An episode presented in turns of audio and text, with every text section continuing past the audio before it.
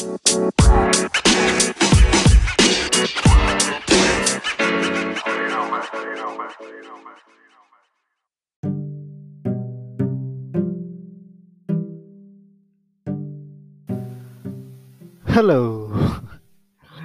and welcome back to Sekedar Komentar Podcast.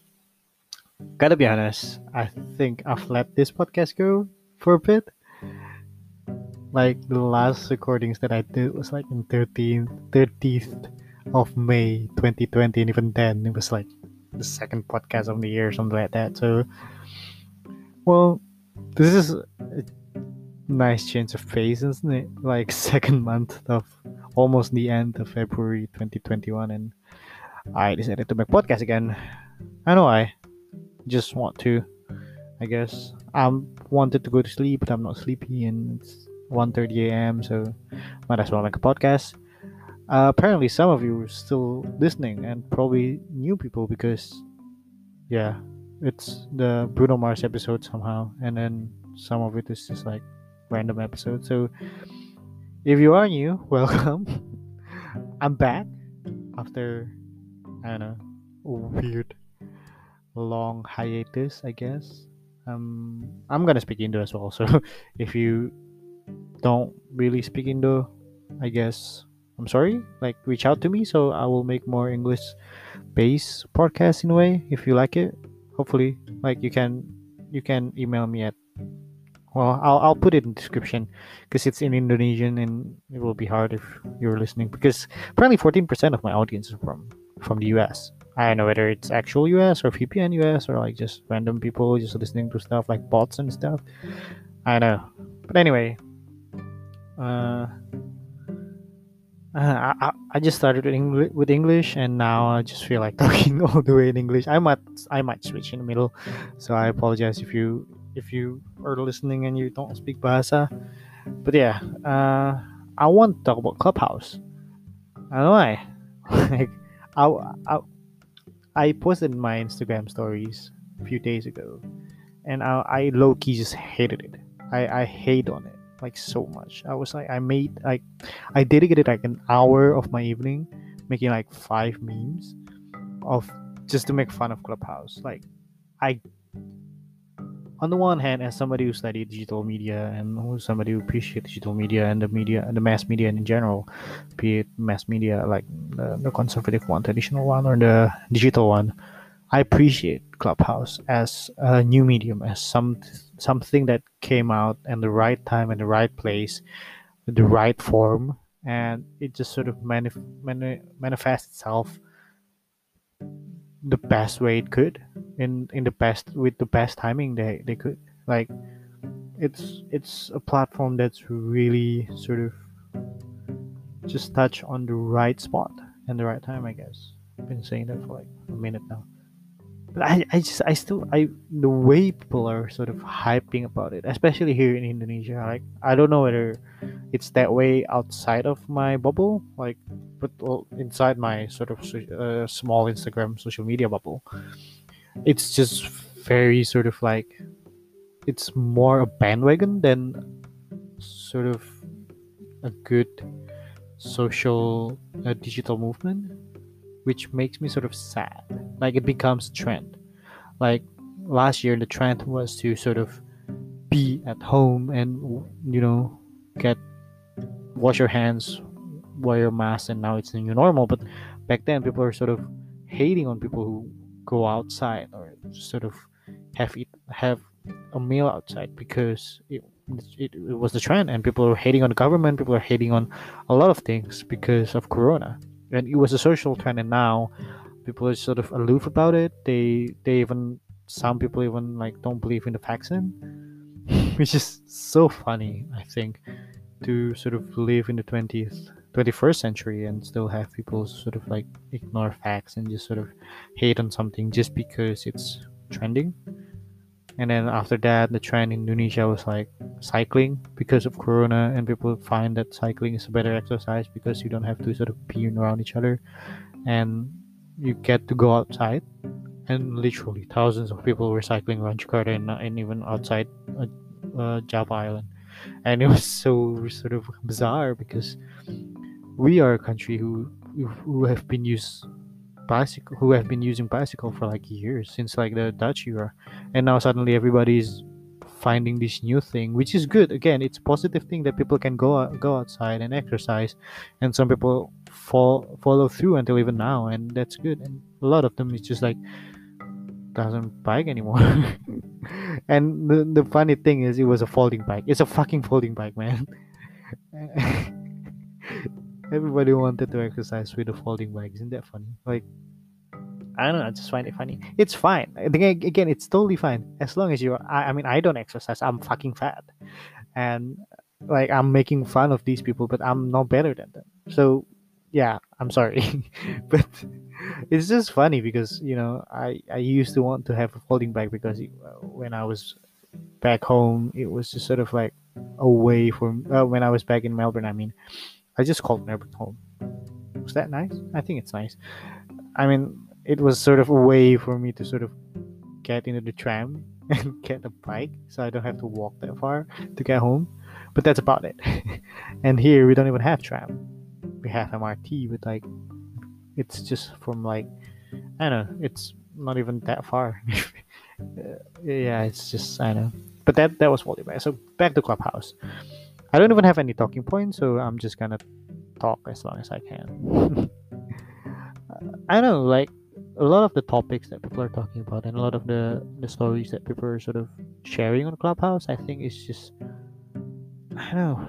I feel like it's just people being FOMO, you know, like fear of missing out. Just because Clubhouse is the thing, so people want to sort of use Clubhouse and be a part of the Clubhouse. And I'm not gonna deny some of the conversation was was really good. Like um, I saw this one guy who works in Tokopedia, and then he has like a chat, a room where he have Tony Fernandez, and he have uh, a lot of other CEOs around Southeast Asia, who I believe I didn't listen to it, but I I guess if you have those kind of people, it would be an interesting conversation. And then my girlfriend, who is sort of into Clubhouse right now, my girlfriend. now she's my wife. Just call my wife my girlfriend. So my, my wife was into uh, Clubhouse as well. She listens to one of these uh, sort of startup podcast, uh, startup Clubhouse, and it was sort of like an incubator Clubhouse, and they they're they're there to sort of listen to pitches and people get funding from it, which is great. And there are a lot of discussion about micro influencers, which is sort of ironic because they're in Clubhouse because they want because they have to because they're influencers. That's why they're in clubhouse.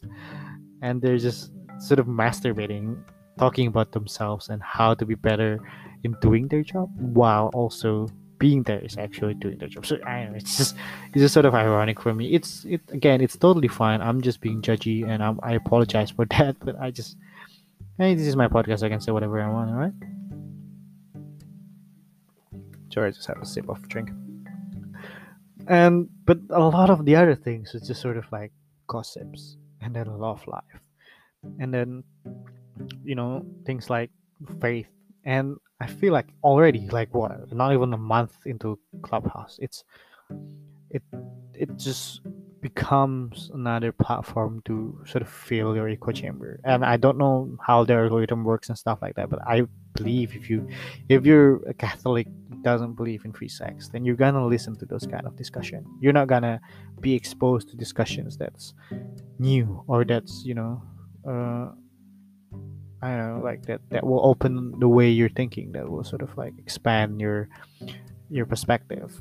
And that just sucks like again social media mm, platforms or these mediums doesn't they they're not responsible for this kind of thing.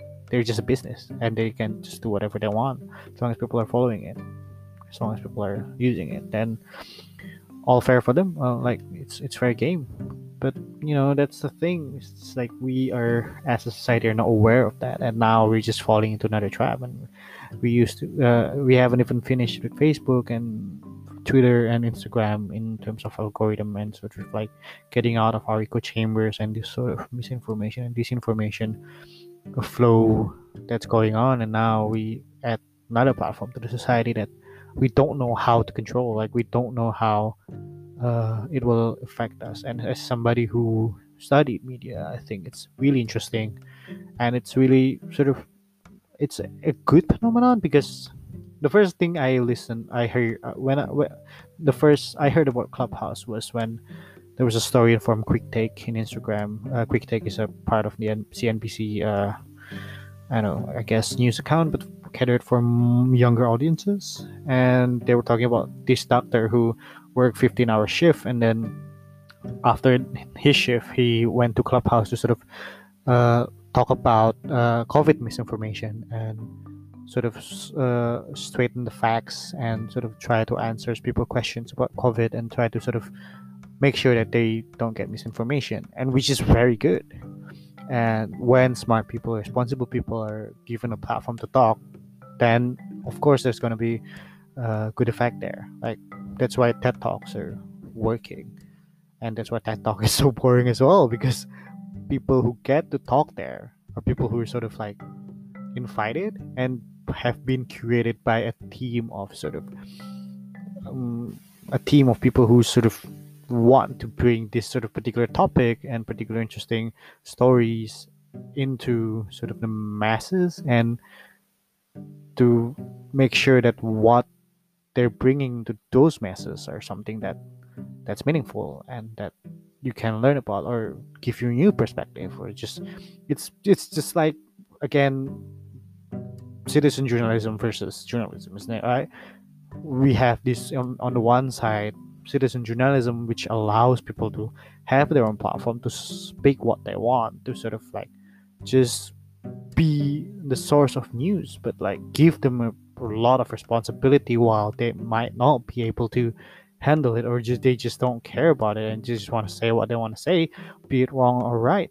And on the other hand we have these trained journalists who are who have been doing this for years and years and have been studying it from like when they were 17 or something.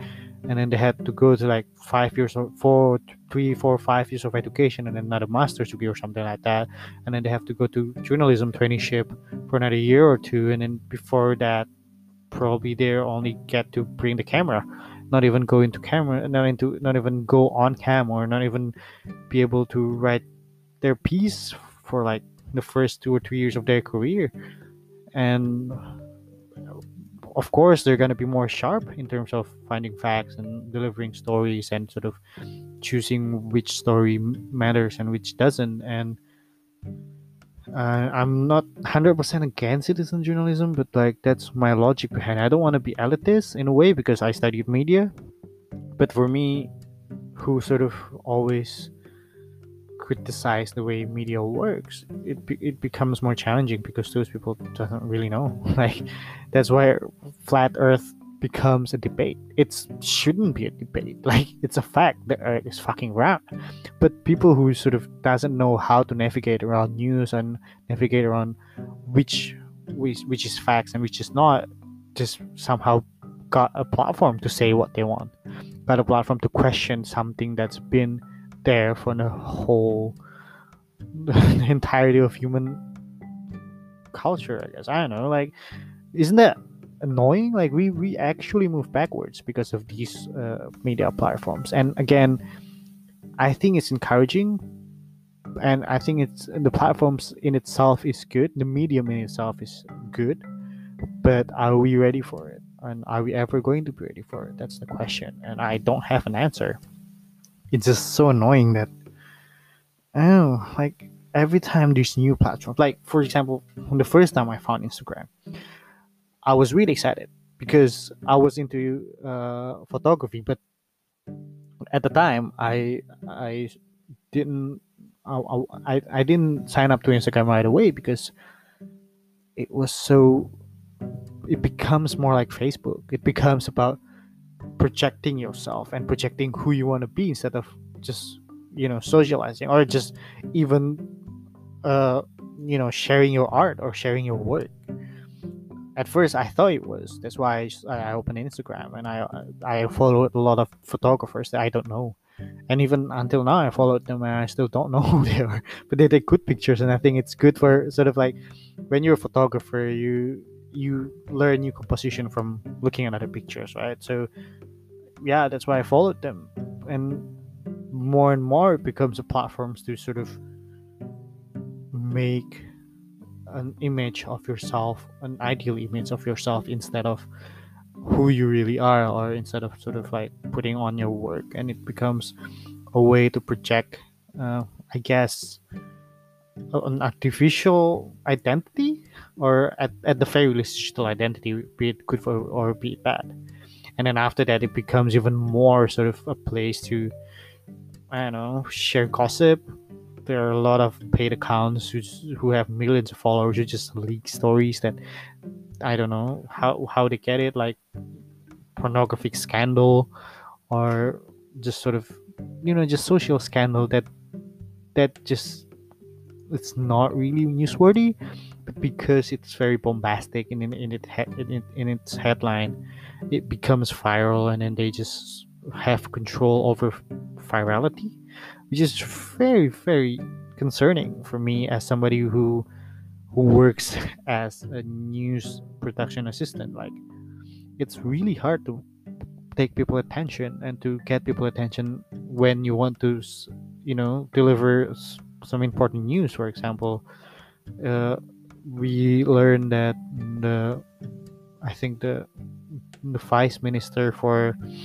uh, tourism in Indonesia just give projects to their own company, which is I think will be a scandal. Will be concerning if you are into politics, but like we don't care because there are predators around apparently, who are people who there are people who sleep around and you know, which is in itself not a good thing. In itself is a worrying thing, and we need to take care of it.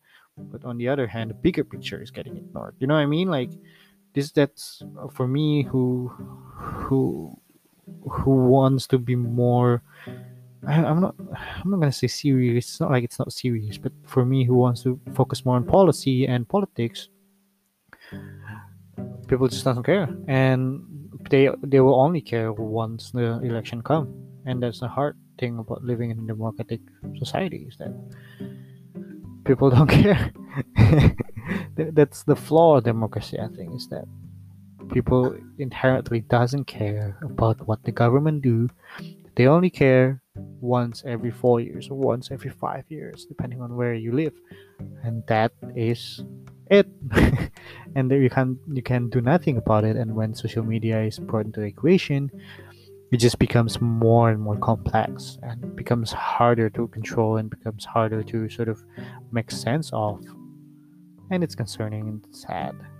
And that's clubhouse in itself is not a problem. I'm just making fun of it because people are just very eager to use it and they just get very excited and share every single clubhouse room that they are in like or just like share their you know experiences in clubhouse. And i think it's funny because I mean, first of all i mean last of all we have discord we have zoom we have G- google meet who, who actually does the same thing but with pictures. And it's been around. The technology is already there. Not even the technology the platform the, the medium is already there but i guess if you make dedicated app for it people are gonna be excited especially in my phone.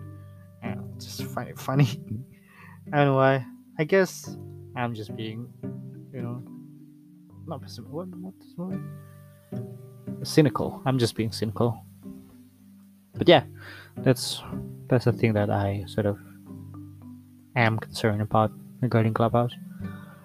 Alright, apparently I've been ranting for 18 minutes now, so I'm gonna take a break, short break, and I'll be back to talk about. Apparently, there was a trophy hunters who kill a giraffe and take their heart, his or it, its hearts out for Valentine's Day.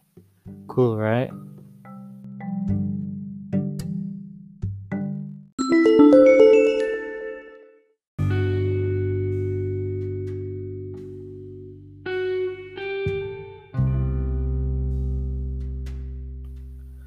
Hello, I'm back. I speak 100% English in the previous segment, and I just realized my, my podcast name is Sekedar Komentar which means just commenting in English. I don't know whether I should continue in English. I don't know whether I should speak Bahasa. I'll I'll do whatever feels feels natural for me right now, and right now I just feel like talking in English, so I'm just gonna talk in English. So uh, there was a I just saw it briefly on on Facebook, and it made me think. There was a this woman who is a trophy hunter and went on a hunting trip. I guess I don't know, probably in Africa, and kill the giraffe. Takes take take its hearts out. Uh, I just read the tagline by the way. The the tagline. I just read the headline by the way, and don't know. I didn't read the story, but I, I thought it's just so, I don't know, crazy and bizarre and just sort of like very rich people headline. it just makes me giggles. It makes me think actually. Yeah, rips its hearts out and then apparently it's for Valentine or something.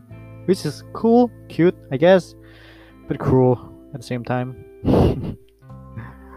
I don't know, it's 2021, this kind of news doesn't really surprise me anymore, but still, it's a, pity and it's a sad news.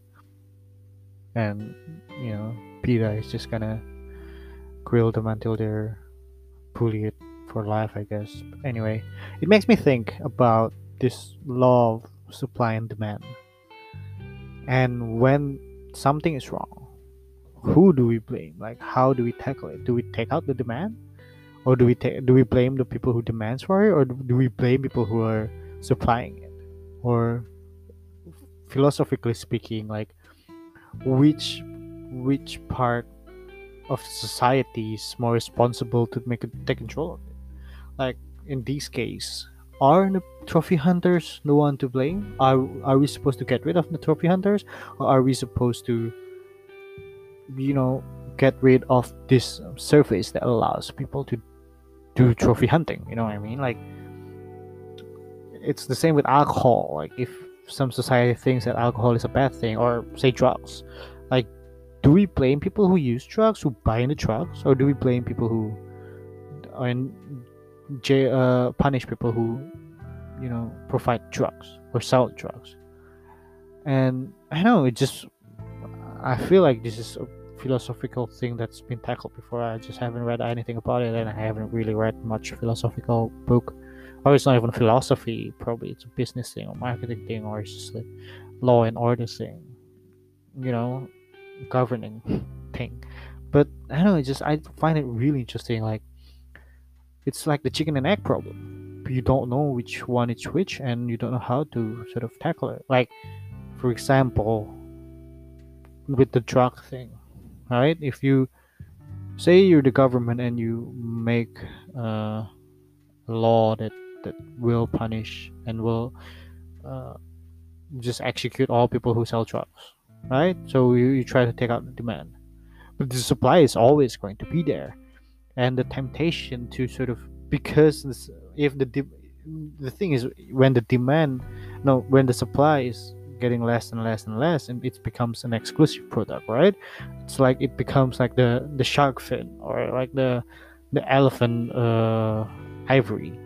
Like it becomes very exclusive that people who are gonna be able to supply those kind of things are people in power who are corrupt and it's not like we lack of those like like those kind of people. Those kind of people are still going to be there in countries like Indonesia or like Africa or even Southeast Asian countries. You, a lot of people are gonna abuse their power and just people in the police, people in the military, people in the government, we're gonna abuse their power to sort of be in the supplier for this kind of thing and be a front for sort of this kind of thing. You know, like they're they're just gonna use their power to influence those kind of things, and it's just it, it's I, I know it's the case here in Indonesia. A lot of uh, uh is that what you call it? A lot of uh, guards in the in, in in jails and a lot of policemen are actually drug dealers. You know, just just a few days ago, a head of district police was arrested because she had had a drug party apparently. she, yeah, so yeah, you know, like, so we can't just take the supply because if the demand is still there, then there is always a way for the supplier to appear you know? And on the other way around if we we just i don't think we have enough resources to take out the demands especially for problems like drugs you know? Like you cannot realistically speaking get rid of say there are 2% of, from of Indonesian population who use drug. Even only 2% is like what? 1% is 10 million. 2% is 20 million. No? Wait, no. That's, that's just math. math. Indonesia have 250 million uh, population. So 10% of it is 25 million. So 1% of it is 2.5 million. So 5 million people probably it's it's bad math. I don't know whether it's right or wrong, but say five million people. You can't just get rid of five million people. You know what I mean? Like even if you execute all of the drug users, it's not realistic. Like you, you can't you, you would be arrested by the UN. You would be just reprimanded by the US and other countries around the world for killing five million people. That's what happened to Duterte, right? In the Philippines. Like he was scrutinized. A lot of people see him as this sort of very stern, very uh, charismatic, and people, especially in Indonesia, look up to him for for having the guts to kill people who actually use drugs.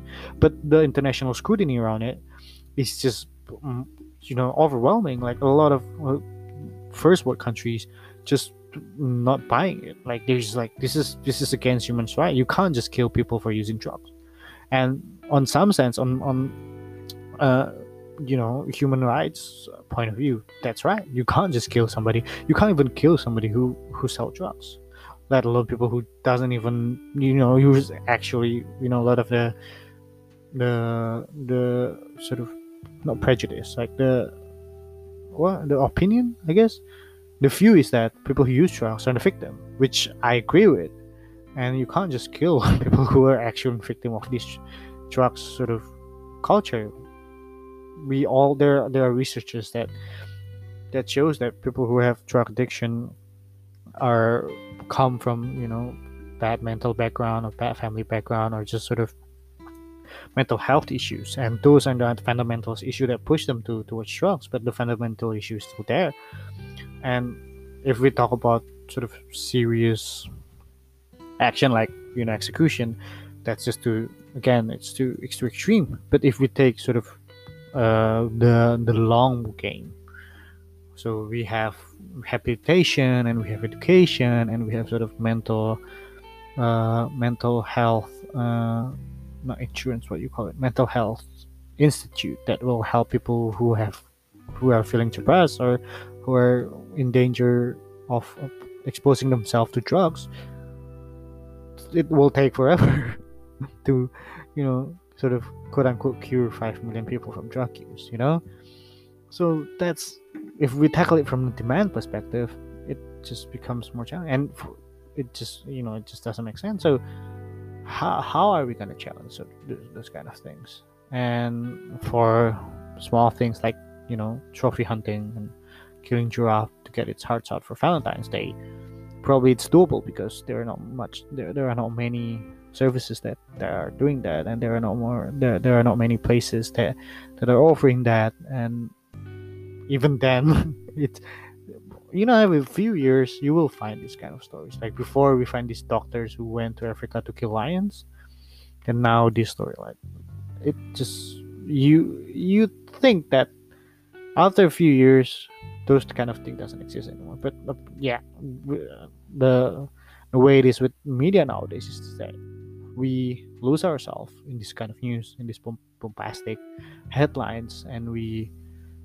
we make a big deal out of it and then we forget about it and it happens again and we forget about it again and that the cycle keeps on going right it's the same with news in indonesia the same with news everywhere like trump will say eh, something and then we make a big deal out of it and then nobody cares and then he says something else and then we make a big deal out of it and then cycle goes on goes on goes on goes on until he's impeached and then he's not impeached and then he's impeached again and now he's not impeached again and if he runs for president, again, I, am betting you that he's gonna be impeached again. If he, the, the minute he steps into White House, he will be impeached again, and that's just the way it is. People forget about things, and it's sort of annoying that people just sort of like don't get into the issue. The, people, people's attention spans are so short that they they just recognize there's a problem, shout at other people, "Hey, there's a problem here." but just sort of stop caring or stop paying attention when they are sort of very close to actually do something about it So you just turn around and find other problem to shout about, and then just turn around to find another problem to shout about. So the the thing nowadays is now just to shout at problems, and yeah, I guess that's why this trophy hunting sort of thing is still around. And imagine this kind of thing for problems like news quality or like the the news that's around now or conspiracy theories. It's even harder because of the First Amendment issues or free freedom of speech issues, in, especially in democratic country. Like you cannot just take away the demand or say people or censor people who are stupid, right? But at the same time, it's stupid, you know. You can't just take away the internet connection of somebody who says that the Earth is flat. That's just not the way it is. You will be reprimanded for it. You will be criticized for it. I will be the first one who criticize people for it. I don't know how to tackle it, but like, I don't know, censorship on people who are stupid is wrong. Educate people who are stupid is not probably the, the ideal thing, but like again, like like the truck problem, it will take even longer, especially for people like that. So yeah, I know, supply and demand. You have to think about it. Do you think that there is a solution? Am I just overcomplicating things, or is there a I don't know, uh, what do you call it? An ephemeral? Not ephemeral, like an eternal cycle of us, the society, living in the same thing, living the same headlines, and living the same problems over and over and over and over again until we're basically doomed as a human race. that was a good way to end the segment. Um, yeah, I'll I'll see you in the next segment, I guess.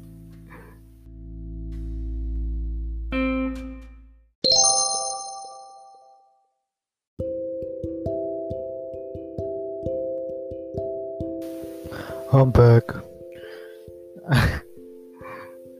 I just listened to myself from the first and second segment and I sounded terrible.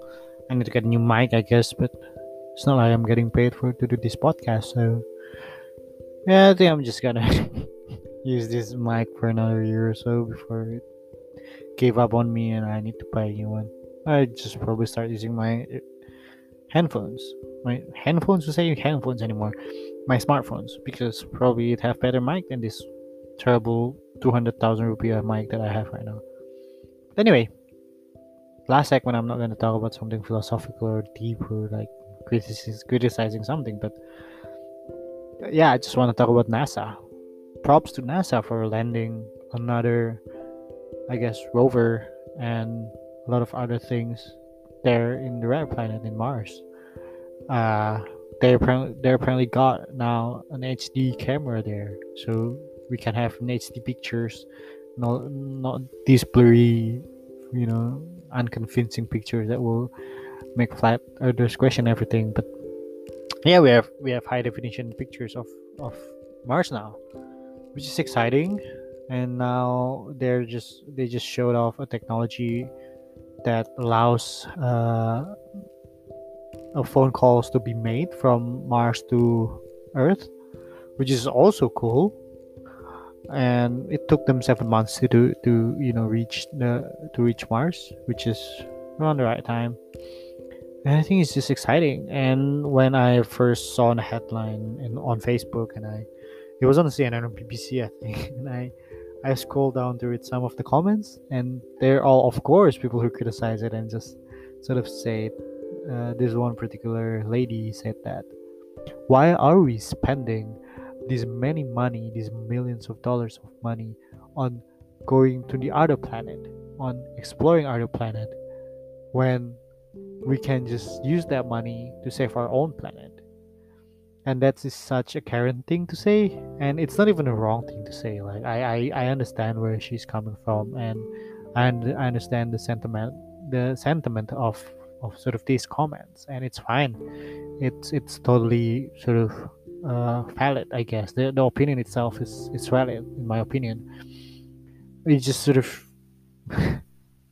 funny to read those kind of things like and i i actually encourage you to read comments on these sort of things and things that you think are a good thing and just scroll down the comment and try to find people who are there will always be people who oppose it and try to understand their point of view and it's a good exercise to sort of you know not to get out of your echo chambers. And don't just don't be angry. Don't get triggered. Don't don't even respond. Just read at them and try to understand why are they saying this you know?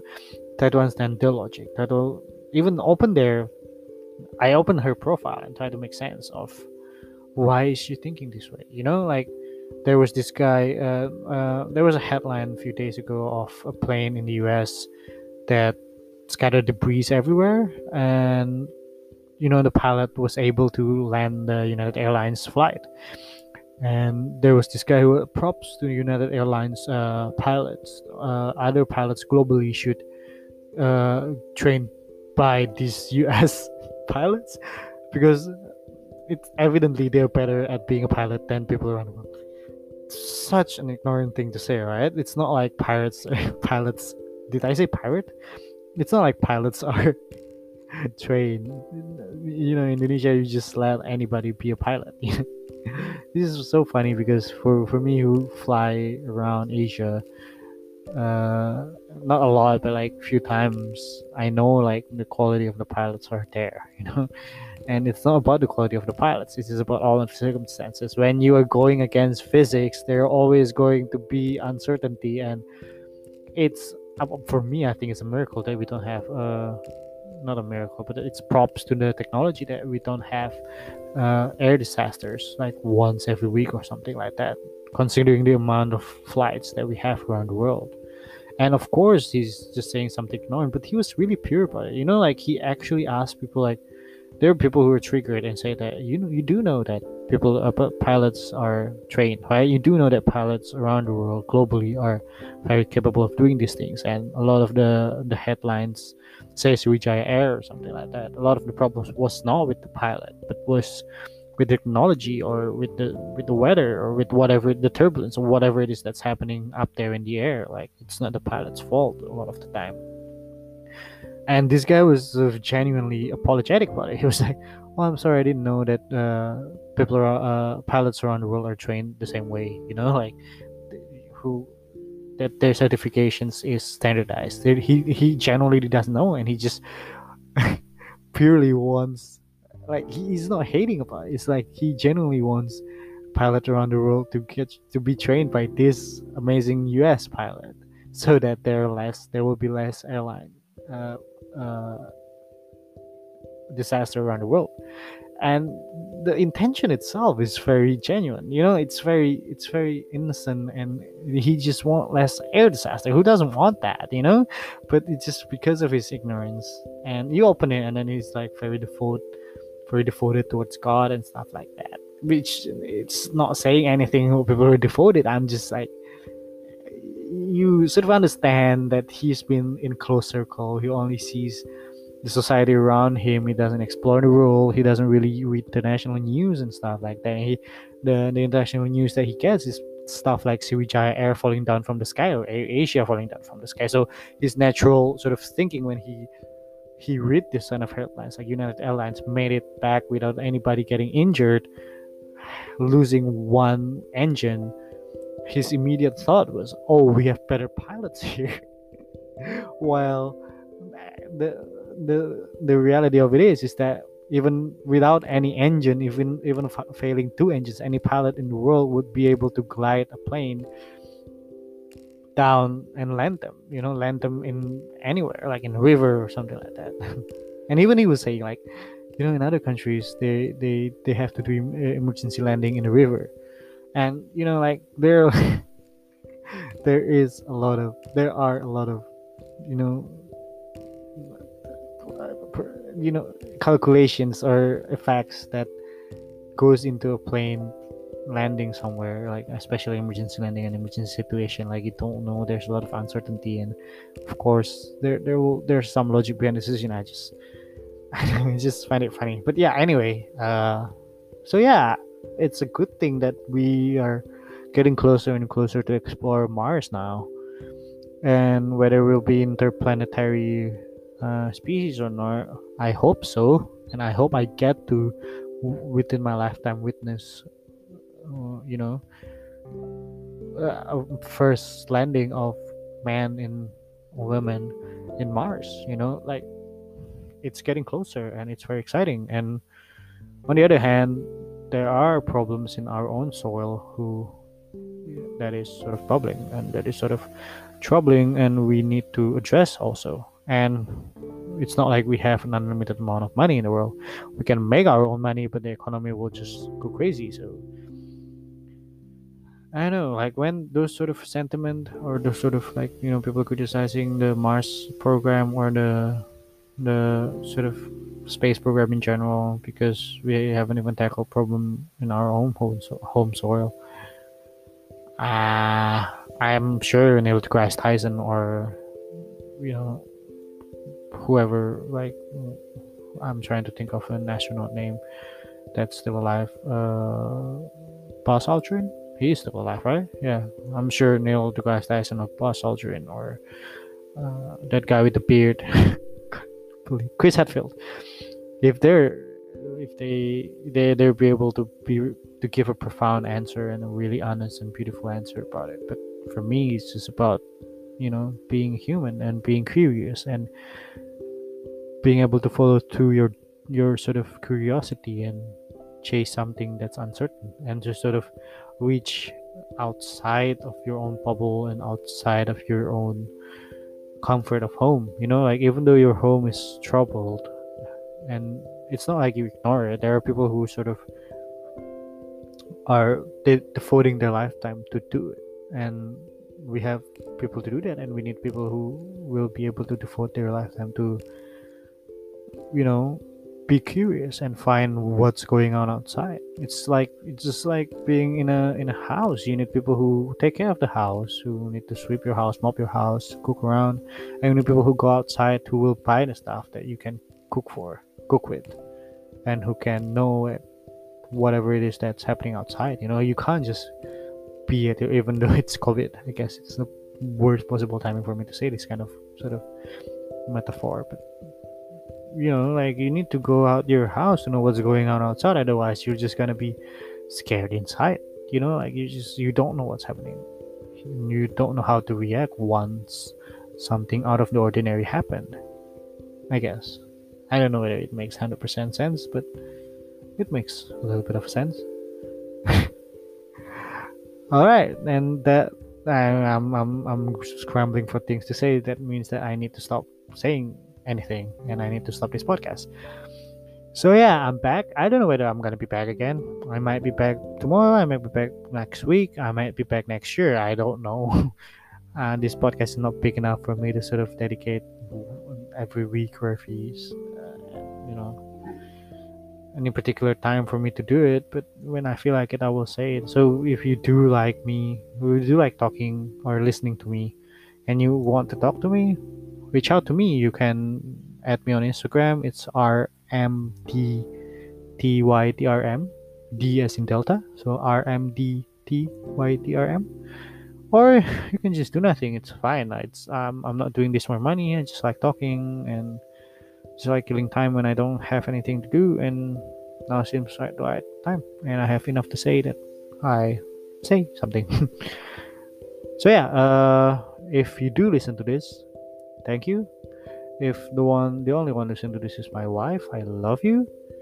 And i will see you in a minute uh, before we're going to sleep. And if not then yeah reach out to me. I would love to hear from you. Like i've been doing a lot of episodes and nobody reached out which is a bit sad but it, it's okay as well. I'm you know as i said it's not it's not i do this to get famous or to make money or anything. I just like doing this and hopefully it comes across that way as well. So, yeah, thank you, and see you guys in the next one. Bye bye.